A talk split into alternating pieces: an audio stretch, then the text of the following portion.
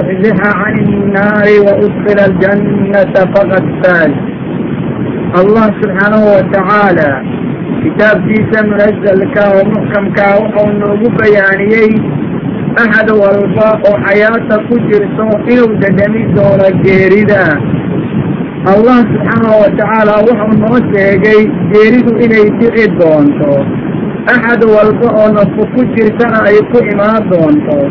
Haddaba waxaa la doonayaa in loo diyaargaroobo mawdka iyo waxa ka dambeeya. Allah subxaanahu watacaala wuxuu yidhi waxaad shaqaysateen amaalmarintooda ayaa la idiin oofinayaa maalinta qiyaamada. Axadkii naarta laga durjiyo oo jannada la geliyo wow liidaanay liidaan aad u weyn ayuu allah yidhi subxaanahu watacaala haddaba waxaa loo baahan yahay muslimiintu inaan rabbi ka cabsanno xaqa ku dhaqanno xaaraanta isaga tagno si aan xawska nabiga uga cabno. Adduunka kan waa laga tegayaa. Axadkan dunida inta uu joogo diinta islaamka ku dhaqmin waxaa u dambay doona dulli waxaa u dambay doona silac iyo cadaab waxaa u dambay doona dhibaato oo idil war muslimiinta uu rabbigiinka cabsada. Oo xaqa ilaaliya oo xaaraanta isaga taga aad adduunka iyo aakhiradaba wanaag gaarteeni. Geeridu waa xaq waana mid dadka oo dhan ku imaanaysa. Iyo in alla inta xayaata ku jirto. Makhluuqaho idil way dhammaanayaan. Allah subxaanahu watacaala wuxuu yidhi kulla man calayhaa faan wayabqaa washu rabbika duljalaali waalikraam wax kastoo ardada dusheeda ahaaday way tegayaan. Waxaana baaqi ahaanaya rabbiga ku khalqay wejigiisa allah ayaa haraya. Inta kalena koonka way ka tegayaan. Marka geeridu sidaas ayay u jirtaa waa in loo diyaar garoobaa allahna laga baqaa subxaanahu watacaala oo xaqa si dhaba loo ilaaliyaa.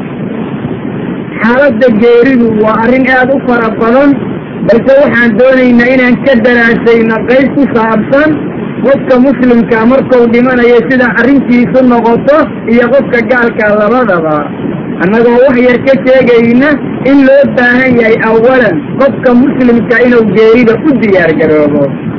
Rasuulka sala allahu calayh wasalam wuxuu yidhi aksiruu dikra haadimi laddaati waxaad badisaan oo aad in badan ku fekertaan macaanyaalka kangooyo xusitaankiisa oo loola jeedo mawdka salawaatu ullahi wasalaamu calayh wuxuu yidhi geerida xasuusasadeeda badiya. Allah subxaanahu watacaala wuxuu nagu odhanayaa geerida xasuusasadeeda badiya. Macaanyaalka kangoynaya xuskiisa badiya. Ku fakera qalbigiina geliya xayaatada in laydinka qaadi doono arrinkaas ogaada ayuu allah rasuulku leeyahy sala allahu alayh wasalam xadiidka asagaa waxaa soo saaray nasaa-i tirmidi iyo ibnu maaja. Xadiidka asagaa waa xadiid sanadkiisa oo wanaagsan yahay oo xasan ah. Wuxuuna noo caddaynayaa dadka muslimiinta in laga doonayo inay geerida ku fakeraan mawdku waa midka wax kastaoo lagu macaansado qofka halmaansiiya waa midka dadka isjecel ka argagixiya. Waa midka haweenka garoobaysiiya waa midka ilmaha agoonteeya. Waa midka aqallada qaraabiya waa midka qofku wuxuu ku fakerayay oo dhan is-hortaaga axadkaan u diyaargaroobin silax ayuu la kulmayaa.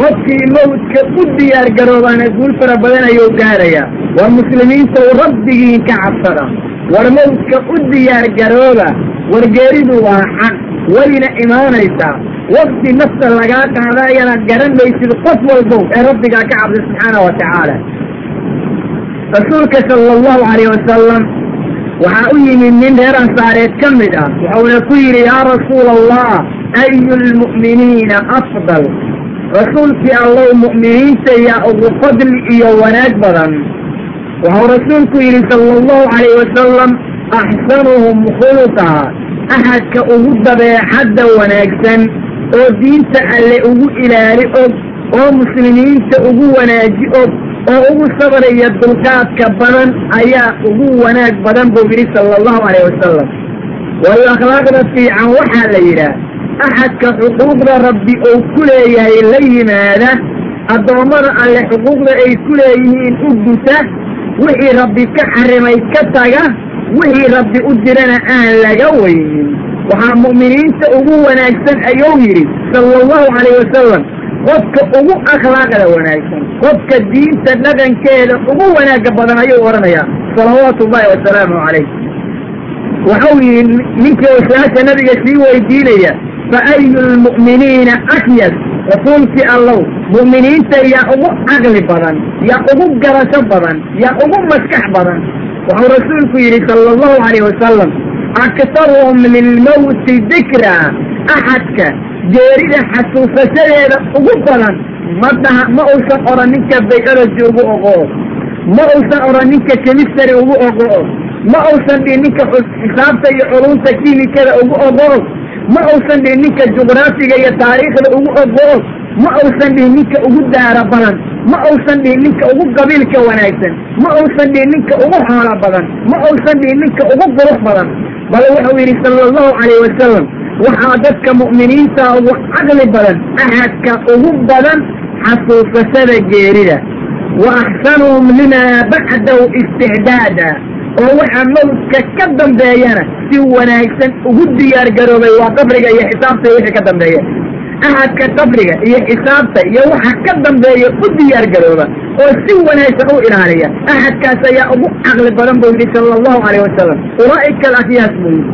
Dadka cuqalada ah oo garashada iyo maskaxda iyo wanaagga lagu garanayo waa dadka mawdka iyo waxa ka dambeeya u diyaar garooba ayuu yidhi salawaatu ullahi wasalaamu calayh xadiidkaa waxaa soo saaray maalik iyo ibnu maaja waana xadiid xasan ah. Wuxuuna noo caddaynayaa dadka qofka ugu garashada badan waa qofka geerida u diyaar garooba oon marnaba qabriga halmaamin oo marnaba sijada ka dambayda aan iloobin ee u diyaar garoobo rabbigii ka cabsada subxaana wa tacaala caaqil waa qofka naftiisa xisaaba oo waxa geeri ka dambeeya u camal fala. Doqon iyo dulli waa qofka naftiisa hawadeeda dabagala oo yidhaah allah waa kafuuru raxiim inuu shadiidu ciqaab yahana iloobay. Wa rabbi ahadka muslimkaa waxaa laga doonayaa inuu u diyaar garoobo mawdka iyo wixii ka dambeeya. Ahadka geerida xasuusta wuxuu u degdegaa tawbada wuxuuna ku saahidaa adduunyada qofka muslimkaa waxaa waana ugu filan mawdka iyo geerida. Qofka muslimkaa cabsi iyo argagax waxaa ugu filan mawdka maxaa yeelay mawdku waa mid aan la huraynin ahad walbaana uu marayo.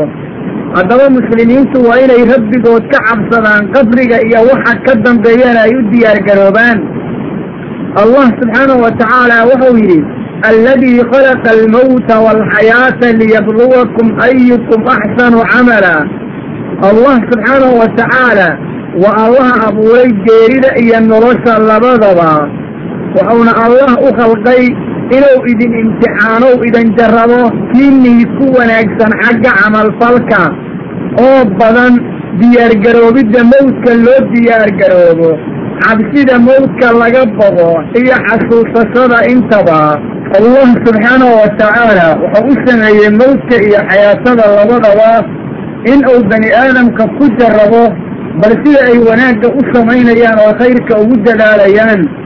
Haddaba walaalayaal waa inaan allah ka cabsannaa oon diintiisa ku dhaqannaa. Wixii rabbi naga xarrimana waa inaan ka tagnaa waana inaan ogaanaa mawdku inuu yahay galaas lagama maarmaan ah oo qof walba uu ka cabayo sidaa darteed waa in loo diyaar garoobo oo allah laga boqo subxaana wa tacaala. Muslimiintu waxay yidhaahdeen mawdku waa midka qalbiga bani aadamka u jilciya waana midka insaanka ku xambaara inay tawbada u degdegaan waanadana ay aqbalaan. Axad walbaa waa inuu ogaadaa daarta adduunyadu inay tegayso oo la qaabilayo daarta aakhirada ee baaqiga noqonaysa.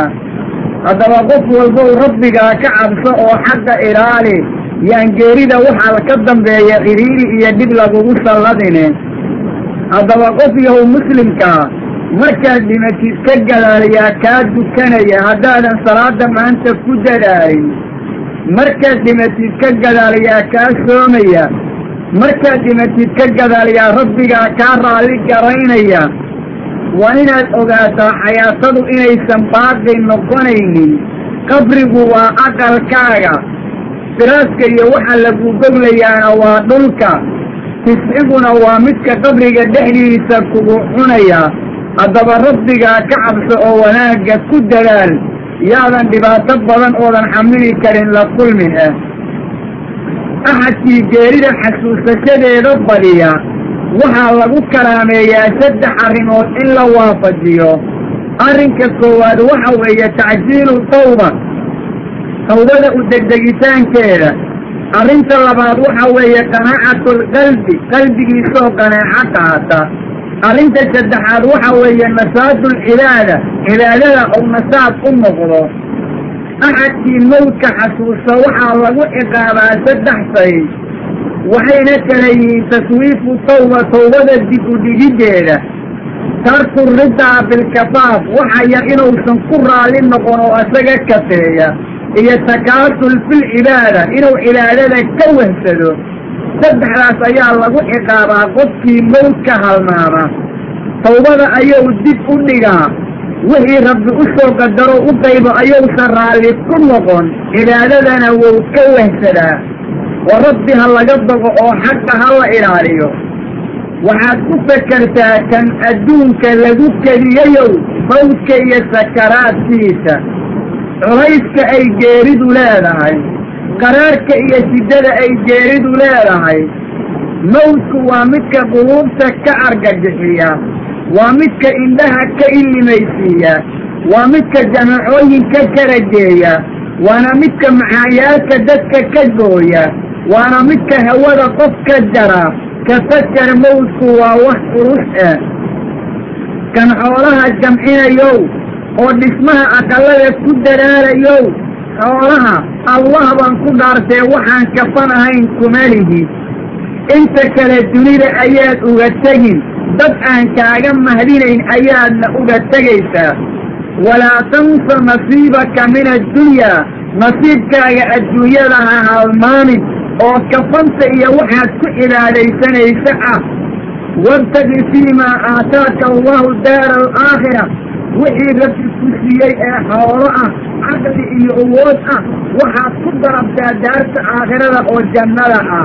Jannada saad ku geli laheed ku doon axadka muuminkaa xaqiisu wuxuu yahay adduunyada wax kasta oo rabbi siiyo waa inuu u iilo waxa aakhiro anfacaya oo jannada rabbi ku gelayo xoolaha rabbi ku siiyey ha u iilin dhoobada biyaha kibirka iyo isla weynanka xoolaha jamcintooda haddaad ku dadaashid waxaad ogaanaysaa inaad ka sallaayi doontid axad walbow rabbigaa ka cabso oo diintatan islaamka ilaali axadka quluubtiisu ay engegto waa inuu ogaadaa quluubta in lagu jilciyo qofku inuu xaadiro majaalista cilmiga wacdiga iyo waanada meelaha lagu hayo waxaa kaloo qalbiga lagu jilciyaa xasuusashada geerida waxaa kaloo qalbiga lagu lagu jilciyaa dadka geeriyoonaya ayadoo loo xaadiro markay sakaraadayaan iyo marka nafta laga qaadayo haddaba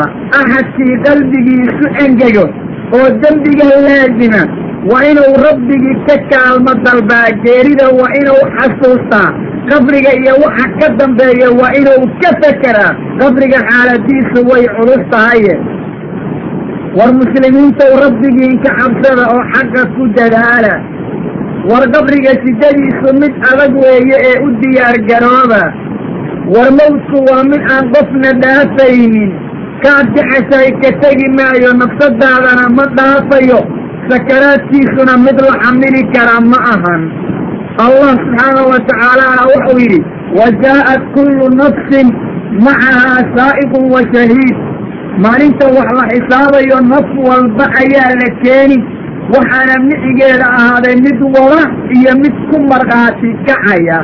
Axad walbow rabbigaa ka cabso oo intaan lagugu markhaati kicin horteed daacada alle ku dadaal oo diinta islaamka ku dhagan nafta haddii lagaa qaado shallaygu wax tarin maayo argagaxu wax tarin maayo diba la ii celiyo lagaa yeelin maayo. Laaluus lagaa qaadan maayo loo yar ma qabsan kartid. Shahaado jaamacada lagaa yeeli maayo qabiilkal weynahana ku badbaadin maaye rabbigaa ka cabso. Intaan masiibo lagugu salladin rasuulka sala allahu calayh wasalam waxau yidhi idaa araada allahu bicabdin khayran daharahu qabla mawti allah subxaanahu wa tacaala addoon khayr la doono alla addoonka ayuu dahiraa geeridiisa ka hor saxaabadu nabiga waxay ku yidhaahdeen wamaa dahuuru lcabdi addoonka dahiridiisu waa maxe sideedaa loo dahirayaa rasuulku wuxuu yidhi sala allahu calayhi wasalam camalun saalixun yulhimuhu iyaah xataa yaqbidahu calayh camal saalixa oo diinta islaamka waafaqsan oo alla raalli ka yahay ayaa lagu ilhaamiyaa oo la waafajiyaa ilaa uu camalkaa dushiisa ku dhinto ayuu nabigu yidhi sala allahu calayh wasalam axadkii allah khayr la doono geerida horteed ayaa xumaatada laga dahiraa dahiritaanka marka rasuulka la weydiiyey waxau ku fasiray camal saalixa ayaa rabbi ku ilhaamiyaa ilaa uu camalkaa ku dhinto. Xadiidka isagaa waa saxiix. Dabaraani ayaa mucjamulkabiir ku qoray. Axadka muslimka u rabbigaa weydiiso khaatimo hagaagsan. Rabbigaana ka dalab inuu camal wanaagsan ku waafajiyo.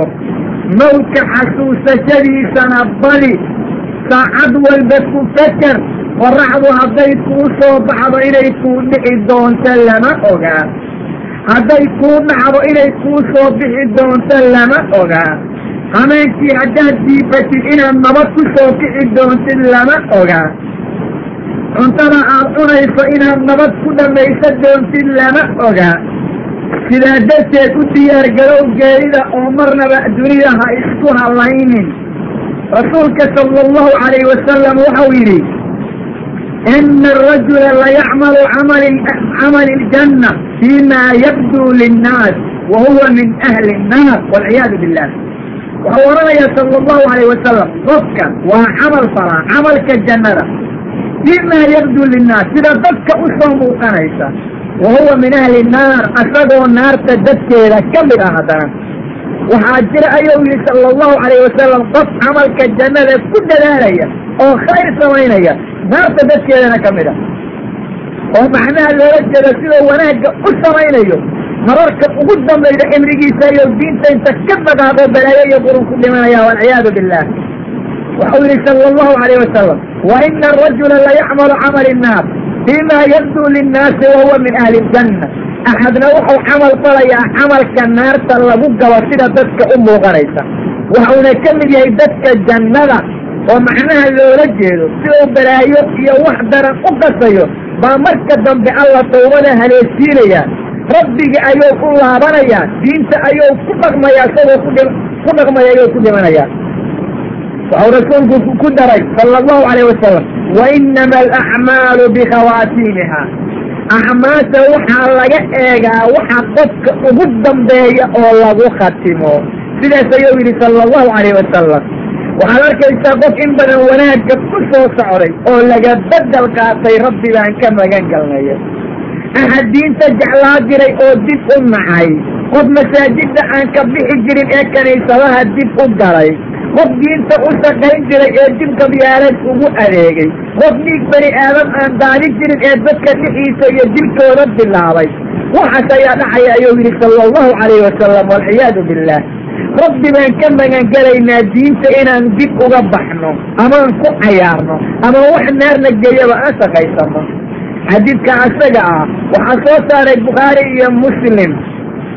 Ziyaadadana waxaa iskale riwaayadaha qaarkood rasuulka sala allahu calayhi wasalam wuxuu caddeeyey qofka camalkiisa waxaa laga eegayaa waxa ugu dambeeya. Waatuu xadiis saxiixa ku yidhi qofka camalka ugu dambeeya ou tawxiid yahay jannadow gelaya qofka waxa ugu dambeeya ay salaad yihiin jannadow gelaya qofka waxa ugu dambeeya ay soon yihiin jannadow gelaya qofka waxa ugu dambeeya ay sadaqa yihiin jannadow gelaya diinta alle wax kamida dhaqankeeda adoo ku jira haddaad ku dhimatid jannada inaad gelaysa ayuu nabigu caddeeyey sala allahu calayh wasalam marka muslimiinta rabbigiin ka cabsada oo rabbi khaatimo wanaagsan hala weydiisto. Allah ayaan weydiisanaynaa. Inuu khaatimadeenna hagaajiyo dad diinta ku dhaqmoo ku socdana ou naga dhigo. Bal haddaba qofku marka uu geeriyoonayo sida xaaladiisu tahay bal kaalaya arka xadiidka ka cajiibka badan leh. Rasuulka sala allahu calayh wasalam waxau yidhi idaa kaana fi inqidaacin min addunya wa iqbaalin min alaakhira nazla ilayhi min asamaa'i malaa'ikatun beet lwujuuh rasuulka sala allahu calayh wasalam waxau yidhi addoonka mu'minka ah kolkuu ahaado dunida ka go'itaankeeda oo adduunka ka tegayo aakhirana ou qaabilayo waxaa xagga samada uga soo degta malaa'ig wejiyaa dhalaalaysa cabda almu'min waa addoonka mu'minka ayuu yidhi sala allahu calayh wasalam idaa kaana fi inqidaacin min addunyaa markuu ahaada adduunyada ka go'itaankeeda oo adduunka ka raranayo wa iqbaalin min alaakhira xagga aakhiradana ou qaabilayo oo nafta laga qaadi rabo. Nazala ilayhi min asamaa'i malaa'ikatun beet lwujuuh waxaa ku soo dega oo xagga samada uga soo degta malaa'ig wejiyaa dhalaalaysa ayuu yidhi sala allahu calayh wasalam kaana wujuuhahum ashamsu oo wejiyaalkooda la moodo sida qoraxda oo kale iftiinka dhalaalka iyo waxa ka muuqanaya oo nuur ah. Waxuu rasuulku yidhi sala allahu calayh wasalam macahum kufunun min akfaani aljanna wa xanuudun min xanuudi aljanna waxaa micigooda ahaaday kafan oo kafanyaalka jannada laga soo qaaday ka mid ah. Waxaa micigooda ahaaday xanuud waxyaalaha maydka lagu odi lagu udgiyo oo kaafuurka iyo miskiga iyo waxa lamidka ah oo jannada xanuudkeeda ka mid ah. Waxay wadaan malaa'igta iftiinka iyo dhalaalka badan leh kafan jannada laga keenay. Waxyaalaha udgoo miskigu ka mid yahoo jannada laga keenay ayaa micigooda ahaaday. Oy sidaan xataa yajlisuu minhu madda albasar ilaa ay u fadhiistaan ishu meel ay wax ka aragto meel ku beegan. Maddalbasar waxaa laga wadaa waxay fadhiisanayaan maa yastadiicu ru'yatahu wa tamyiiza meel uu karo inuu ka arko si dhabana uu ugu jeedayo. Indhihiisa meel ku beegan ee uu u jeedi karayo ee uu ka daaracan karayo ayay u fadhiisanayaan buu yidhi sala allahu calayh wasalam malaa'igtaas ayada ah. Malaa'igta halkaasay fadhiisanaysaa waxyaalaha lagu farxo ayayna wadaan oo jannada laga keenay ayaguna way iftiin badan yihiin.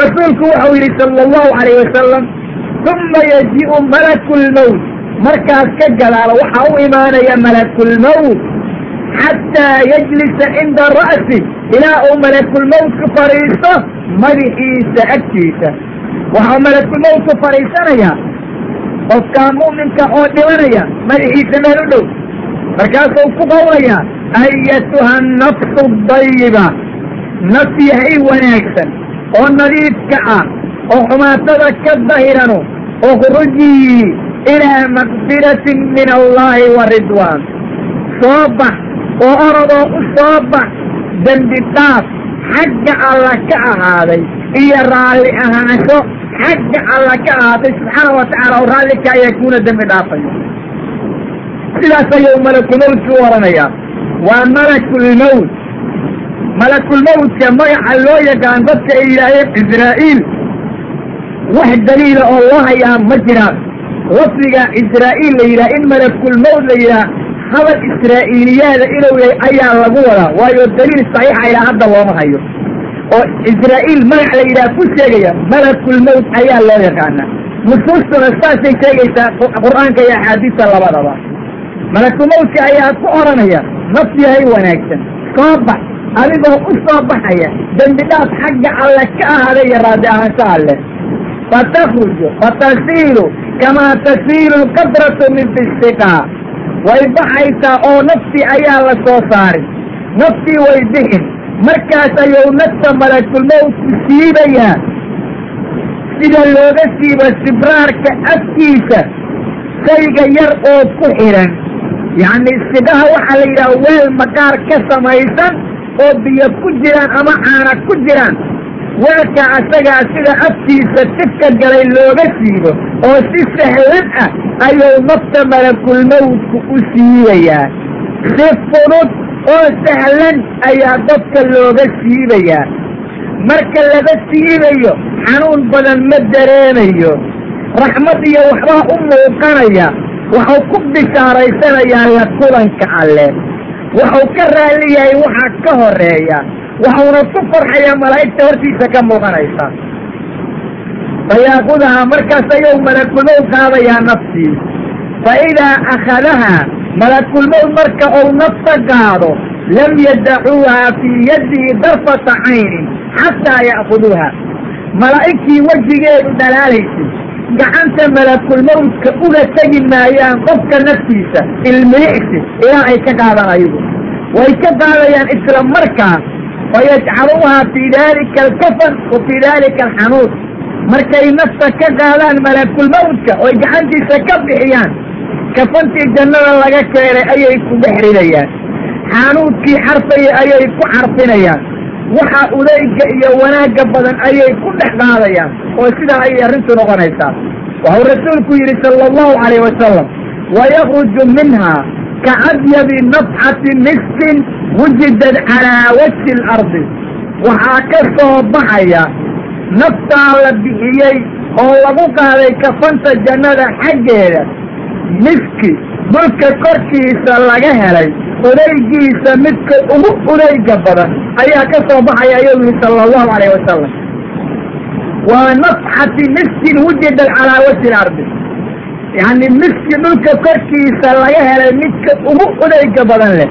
Udayga asaga a mid ka sii cajiib badan ayaa ka soo baxaya ayuu yihi sala allahu alayh wasalam nafta ayaa soo udgaysa ayada ayaa udayg ah.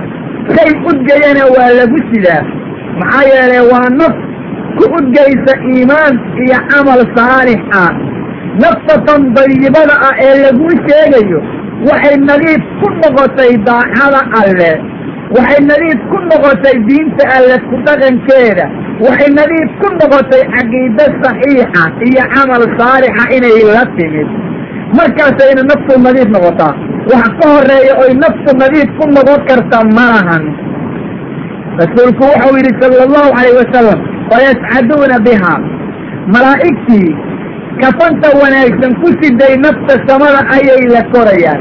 Xagga sare ayay la aadi falaa yamuruuna calaa mala'in min almalaa'ika ilaa qaaluu maa haada aruuxu dayib wuxuu rasuulku yidhi sala allahu calayh wasalam lama soo maraan malaa'igta naftaa wadaa sameeco malaa'igta kamida lama soo maraan ilaa ay la soo maraan sameeco walba waxay tidhaahdaa maa haada ruuxu dayib ruuxaa nadiifkaa oo udayga badan oo cajiibka badan oo dhalaalka badan oo soo carfayaa maxuu yahay waxay ugu dhawaaqayaan malaa'igtii siday fulaan ibnu fulaan waa hebel ina hebel. Biaxsani asmaa'ihi allatii kaanuu yusammuunahu biha fi dunya. Magacyadiisa midka ugu wanaagga badan oo dunida markuu joogay lagu magacaabi jiray ayay ku magacaabayaan waa hebel ibnu hebel ayay odhanayaan. Sameecad kastoo malaa'igta kamida oo la soo marsiiyaa way ku farxayaan way la yaabayaan. Cajaa'ibta u iskelaya qofka kanu xataa yantahuu biha ila samaa'i dunya ilaa ay samada adduunyada la gaaraan samada dhow oo xagga adduunka soo xigta ilaa ay la gaaraan samaa dunya waxaa loogu bixiyey waxay ayadu u muuqanaysaa bani aadamka samadaas ayada ah oo samadinka ugu sukayda ilaa ay la gaaraan markay samadaa la tagaan fayastaftixuuna lah way ka furi dalbayaan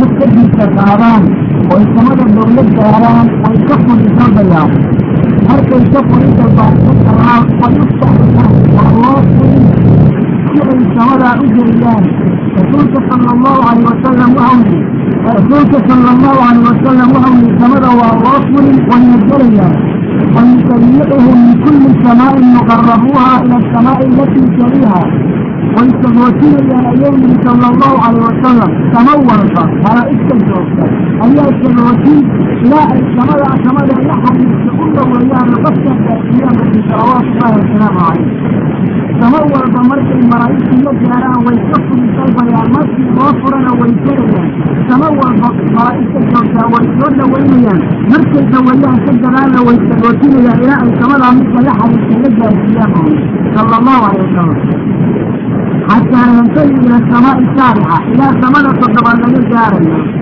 samada toddobaad markay malaa'igtu la gaaraan allah caza wajalla waxau ku howlayaa uktubuu kitaaba xabdin fii cilmiyiin waxaad qortaan addoonka iyo kitaabkiisa cilmiyiin cilmiyiinta waa maxaa sane ee rabbi ugu talagalay dadka hagaagsan in diiwaankooda la dhigoo lagu qoro kallaa ina kitaaba alabraari lafii cilmiyiin وما أدراك ما حليون كتاب مرقوم يشهده المقربون أيها الله سبحانه وتعالى marka allah subxaana wa tacaala wuxuu noo xadiyo dadka baaqiyaalka kitaabkooda iyo qoraalka laga samaynayo inuu xilmiyin yahay xilmiyiinta maxaa ku ogeysiyey ayuu allah nabiga ku yidhi sala allahu calayh wasalam wuxuu rabbi noo cadeeyey xilmiyiinta inuu yahay kitaab marquuma oo malaa'igta la dhoweeyey ay u xaadiraan oo xajaa'ibtiisa rabbi keliya uu garanayo subxaana wa tacaala.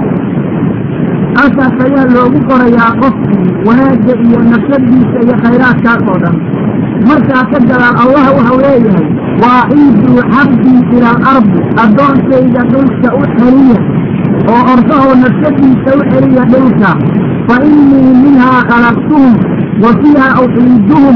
minhaa ukhrijuhum taaratan ukhraa ayuu allah leeyahy subxaana wa tacaala waxaan ka khalqay ardada xaggeeda ayada ayaan u celinayaa oo lagu aasayaa mar kalena ayadaan ka soo saaraya ayuu allah yidhi subxaana wa tacaala fatuxaadu ruuxa ruuxiisii ayaa sidaa lagu celinayaa qofka oo ruuxii ayaa loo soo celin maxaa yeele halkaa marka la geeyey allah wuxuu leeyahay ardada u celiya ayadaan ka khalqay ayadaa loo loo celin oo macnaha lagu aasaya mar kalena ayadaan ka soo saaraya.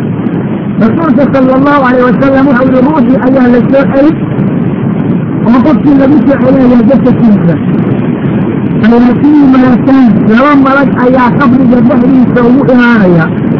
Fayujlisaani labada malag way fariisinayaan qofka fayaquulaani lahu man rabbuk waxay u odhanayaan rabbigaa waayo qofkii waxau ku qawlayaa rabbiga allah rabbigay waa allah rabbiga aniga i khalqay xayaatada igeliyey waa allah ayuu odhanayaa fayaquulaani lahu maa diinu waxay u odhanayaan diintaadu waa maxay fayaquulu diiniya alislaam waxau ku qawlayaa diintaydu waa islaamka iyo dhaqanka alla raallisa yahay fayaquulaani lahu maa haada arajul alladii buxisa fiikum waxay ugu qawlayaan rajulkan adinka dhexdiina laga soo bixiyey waa maxay labadii malag baa odhanaysa ma haada rajul rajulkaana maxau yahay alladii buxisa fiikum oo dhexdiina laga soo saaray waa rasuulka ale sala allahu calayh wasalam waxau ku qawlayaa huwa rasuulullah waa rasuulkii alle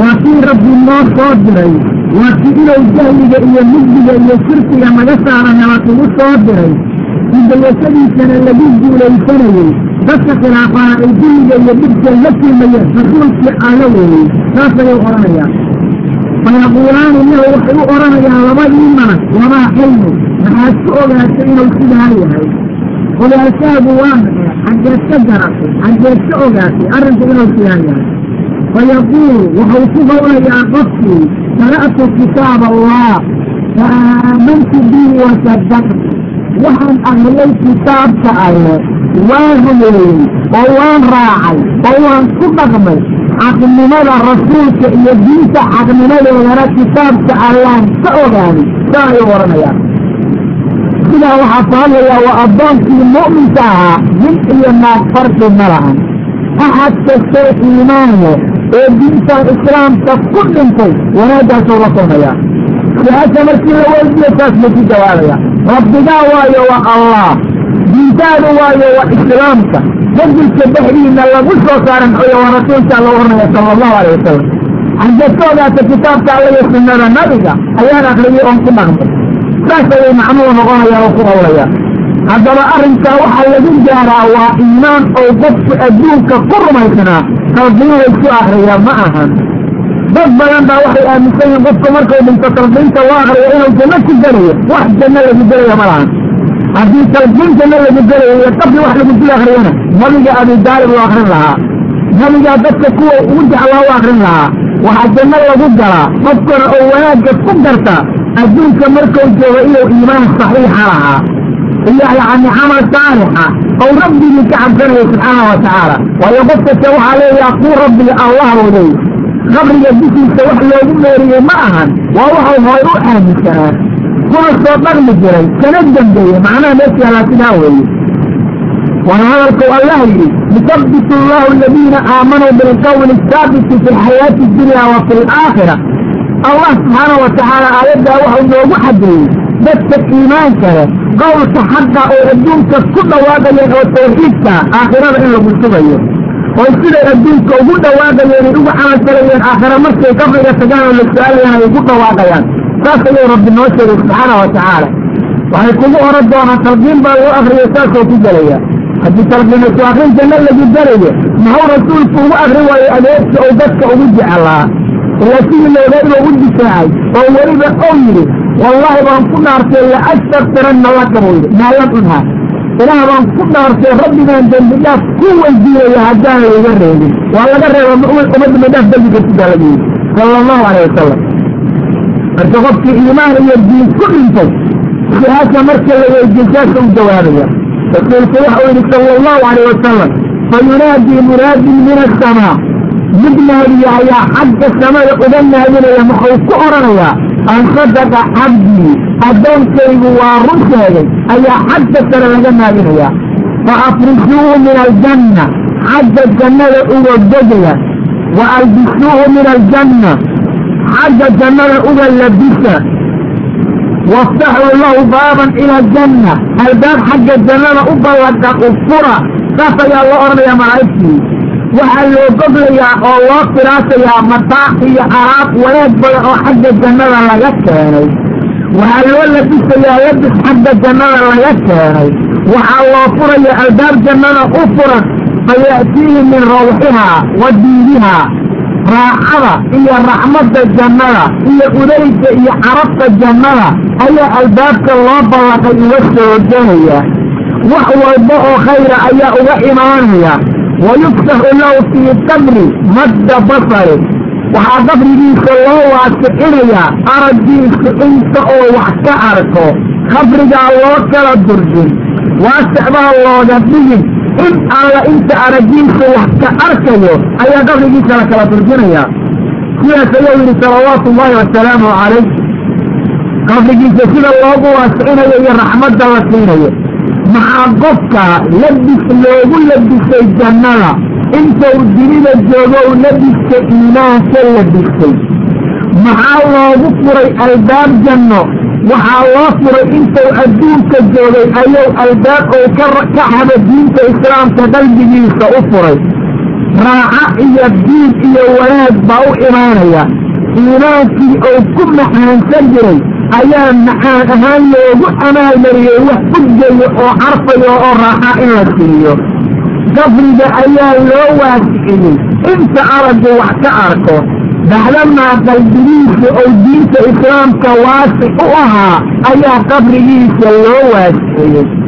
Bacdamaa maskaxdiisu ay xagga u fureen ayaa wax walboo khayra albaab looga furay bacdamaa markuu dunida joogay ou diinta ku xaragoonayay wax kastoo lagu xaragoodo ayaa loo degloo labis looga dhigay waxuu ku gaaray sidaa digtooro iyo shahaado diblomaa ma ahan qabiil iyo xoolo fara badan ma ahan gaaro la dhisayo gaari jabaana oo lagu socda ma ahan yurub iyo iyo qaaradaha adduunkoo dhoofaf lagu mara ma ahan sideed luqoo lagu hadlo ingiliis iyo faransiis ka mid yihiin ma ahan waxau ku gaaray waa iimaan iyo camal saalixa. Iimaankii camalka saalixa layska helo. Haddaan helin waxba lama gaarayo rasuulku waxau yidhi sala allahu calayh wasalam wayaatihi rajulun xasana alwajhi waxaa qofka markaa u imaanaya rajul wardigiisu qurux badan yahay. Xasanu siyaaq arratirkiisu qurux badan yahay. Dayibu riix yani carabtiisa iyo uleygiisa aad u carab badan yahay u carab badan. Aad u weji qurxon aad u uleyd badan aad u weji dhalaalaya markaas ayay ugu qowlayaa absir biladii yasuru waxaad ku bishaaraysataa wixii ku farax gelinaya haadaa yawmuka aladii kunta tuuxad yoonkaana waa yoonkii aad ahayd mid loo yabooho yoonkii laguu yaboohayay oo lagu ballanqaaday inaad khayr gaari doontid waayo yoonkaanu marka ku bishaarayso wax ku farax geliya waxa ugu wanaaga badan saas ayaa loo odhanayaa kaas ayaa u odhanaya raggiisa quraxda badna u yimid fayaquulu lahu man anta oo yaatay adigu waxaatay dad cajiib badane fawajhika alwajhu lyadiu bilkhayr wejigaagu waa weji khayr iyo barwaaqo la waana mid wanaagsan muuqanayo ee maxaa tahay fayaquulu ana camaluka asaalix anigu camalkaagii wanaagsanay baan ahay fayaquulu rabbi aqimi saaca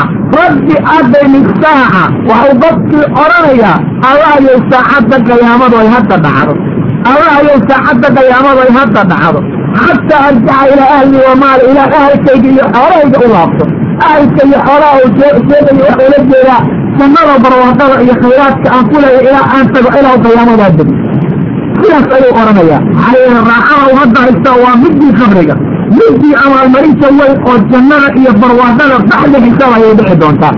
Laakiin hadda abaalmarinta sii ugu horreyla weeyey maxaa yeele qabrigu waa aqal aakhirada aqalada aakhirada midka ugu horreeya weeyey qofkii qabriga loo wanaajiyana inta ka dambeeya uga wanaagsan.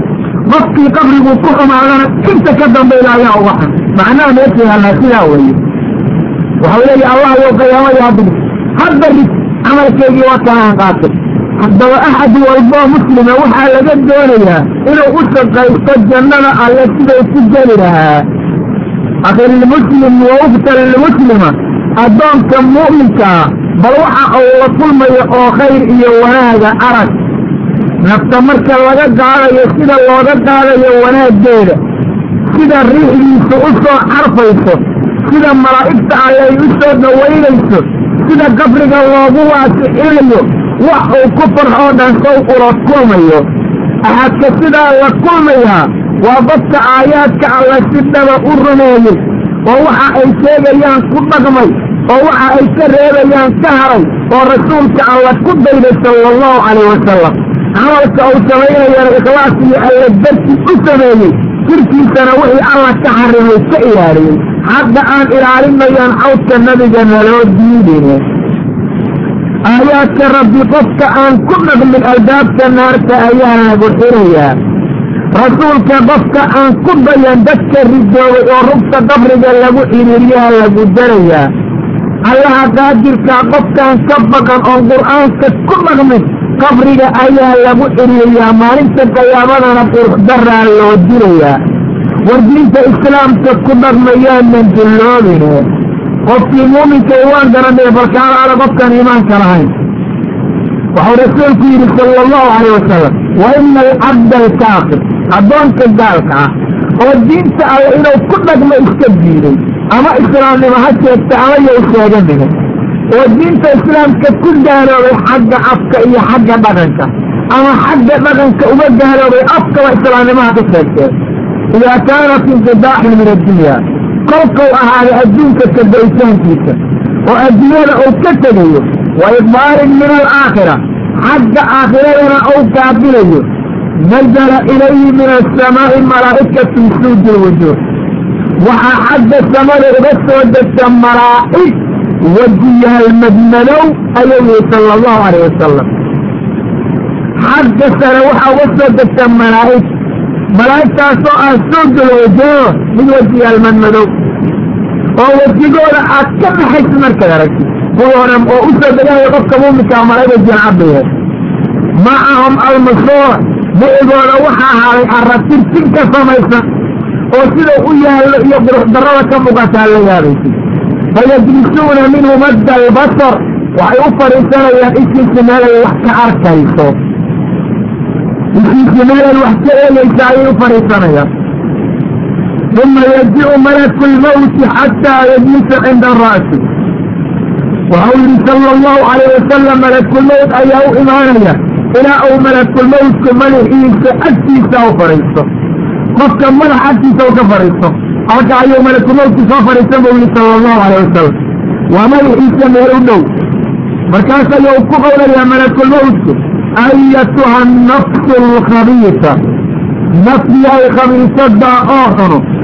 oo dulligu ku dhacay ukhrujii ilaa sakadin min allah wa qadar. Soo bax caro xagga alla ka ahaatay iyo caro sakad iyo qadar waa caro labaduba oo miduba midda kale ay ka xun tahay. U soo baxaa la leeyahay sakad iyo qadar. Xagga rabbi ka ahaday subxaana wa tacaala nafsiyahay khabiisada ah oo qurunka ka buuxsamay oo aan iimaanka iyo camalka midniba lahaynu u soo caro iyo ciqaab xagga rabbi ka ahaday subxaana wa tacaala. Markuu sidaa ku yidhaahdo fatafaraqu fii jasadi nafti jasadka ayay ku kala tegaysaa buu yihi sala allahu calayh wasalam tafaraqu macnaa waxaa laga wadaa tantasiru fii jasadi. Qofka muuminka naftiisa si fudud baa loo siidi karay.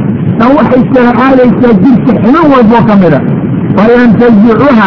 kamaa yuntasacu sufuudu min asuufi almabluur fayaakudaha wuxuu yihi sala allahu calayh wasalam fayantazicuhaa buu yidhi wou jiidayaa qofka ayuu ka soo jiidayaa naftii sida jirka jarka qaroofan oo suufka qoyan gudihiisa ku jirta looga siibo oo kale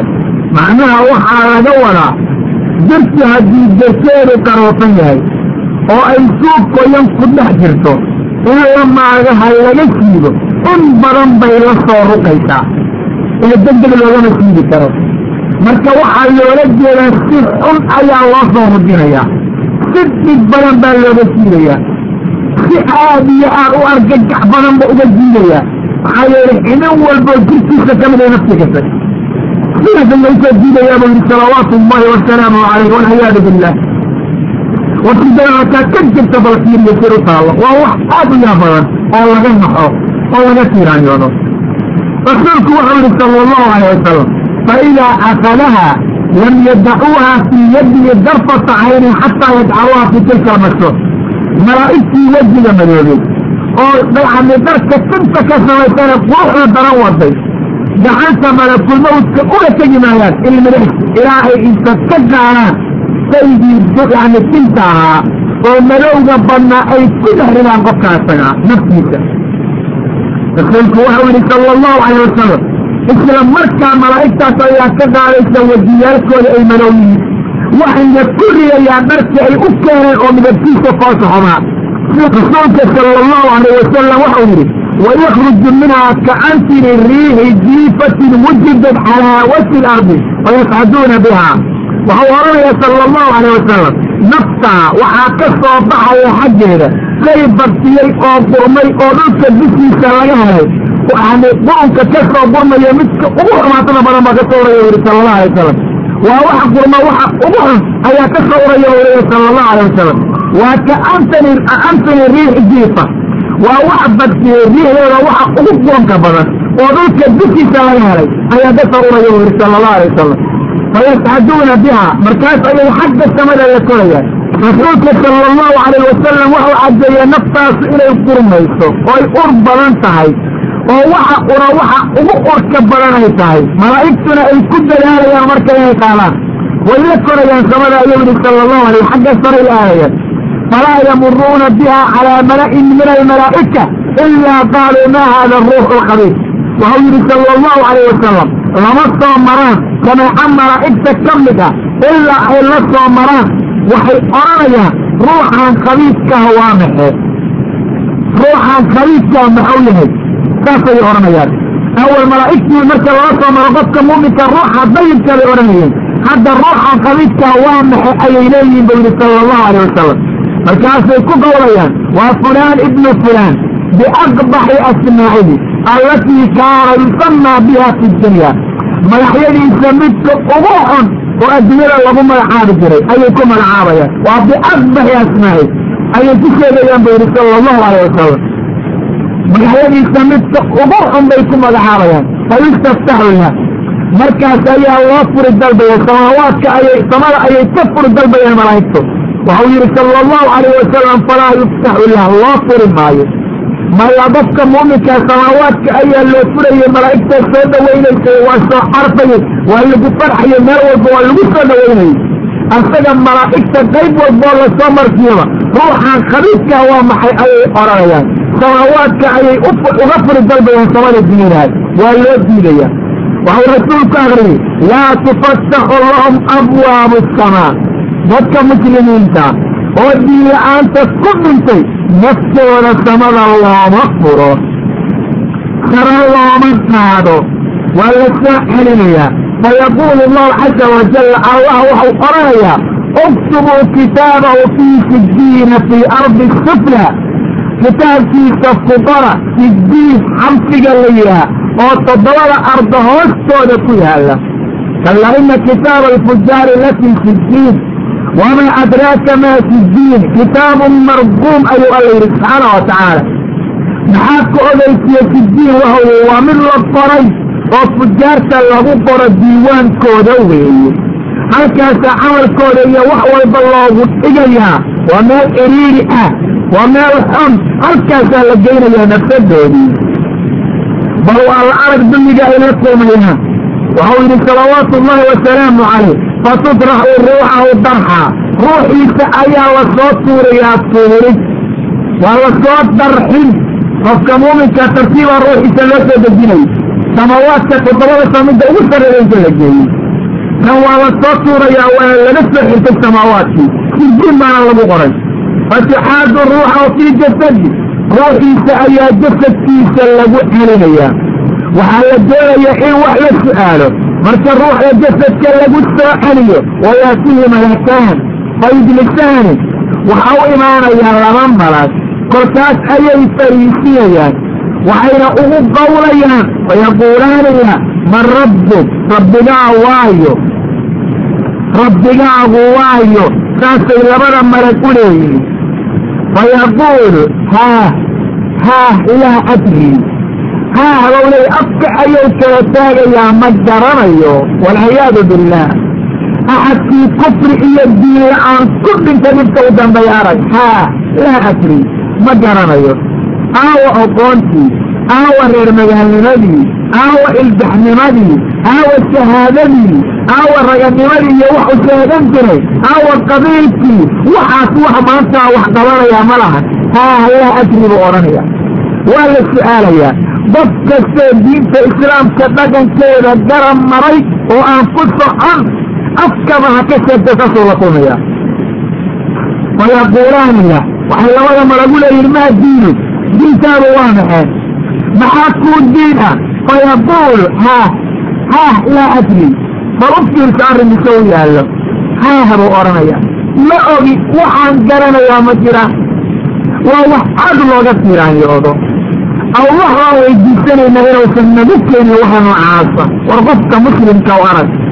War qofka muslimka u arag rabbigaa ka cabso yaysan kugu dhicin haagaadgi ma ogiyay kugu dhicin. Ee rabbigaa ka baq subxaana wa tacaala. War arrinkaa layska ilaaliyo. Fayaquulaaniya waxay labada malag u leeyihiin maa haada arajul alladii bucisa fiikum? Muxuu yahay rajulkan adinka dhexdiina laga soo saaray rasuulka alle sala allahu alayh wasalam fayaquulu haah haah laa adri ma aan ogi ma ogi haah buu odhanaya waxau yidhi sala allahu calayh wasalam fayunaadii munaadii min asamaa xagga samada ayaa mid naadiyaa ka naadinaya maxuuna odhanayaa ankadaba cabdii addoonkaygu waa run sheegay. Xagga saraa laga dhawaaqay rabbi subxaana wa tacaala malaga u wakaas ayaa dhawaaqaya. Markaasuu odhanayaa addoonkaygu waa been sheegay daliilo wey xayaysiyaana waa run sheegayaan kadaba cabdi. Allah subxaana wa tacaala ayaa u dhawaaqaya ama maraba u wakaasha u dhawaaqaya. Waxuu allah odhanayaa fa afrisuu min annaar. Firaas iyo wax loo gogla xagga naarta uga gogla waftaxuu lahu baaban ila annaari albaab xagga naarta u furan u ballaqa fayaatiihi min xarihaa naarta kulaylkeeda ayaa u imaan wa samuumihaa xaraaradeeda iyo kulaylkeeda iyo subkeeda sadiidka ayaa u imaanaya samuumka kulaylka kiisa xun baa la yidhaahdaa wax aad u dhib badan ba xagga naarta uga imaanaya axadka sidaa loo gelayo markau dunida joogaysaan diinta ku dhaqmin weeye. Afka muslim bau ka ahay dhaqankana gaal bau ka ahaa. Diinta waan rabaa ayuu odhanaya inuu la dagaalamo ayuu u taagnaa. Xaaraanta iska day marka la yidhaah maadaa igule ayuu odhan jiray wanaagga. Salaada duka marka lagu yidhaah maadaa ixisaabayo ayuu ku jawaabi jiray. Dulliga uu la kulmaya arag. Hadduu nin yahay qofka salaada marka duka maanta lagu yidhaah odhanaya maadaa igule xaaraanta iyo qurunka iska day marka lagu yidhaah odhanaya maadaa xisaabaya. Yahay maalinta qabriga la tago saa la oran doona isdifaaco qabiilkala wayna adeegsayaa shahaadadihii sara qaadayaa jaamacad ka soo qalinjabinaha ingiriis iyo talyaani kula helayaa dadka malaa'igtaa sow qur'aan iska diyaariye waayo dadka maanta jooga waxaadma mooda inay awooday iska leeyihiin barinta isku difaaci doonaan. Waa rabbigiinka cabsada. Kaakiraa daroogaha cunin oo qaad iyo bunu iska day ma waxaan ala ka xarimay balwad jannadiibuu ku horanaya haddaad balwad iska dayi dhaaxaad ba'daa ood beledka naarta ka ba'ayaysataa waa rabbigiinka cabsada.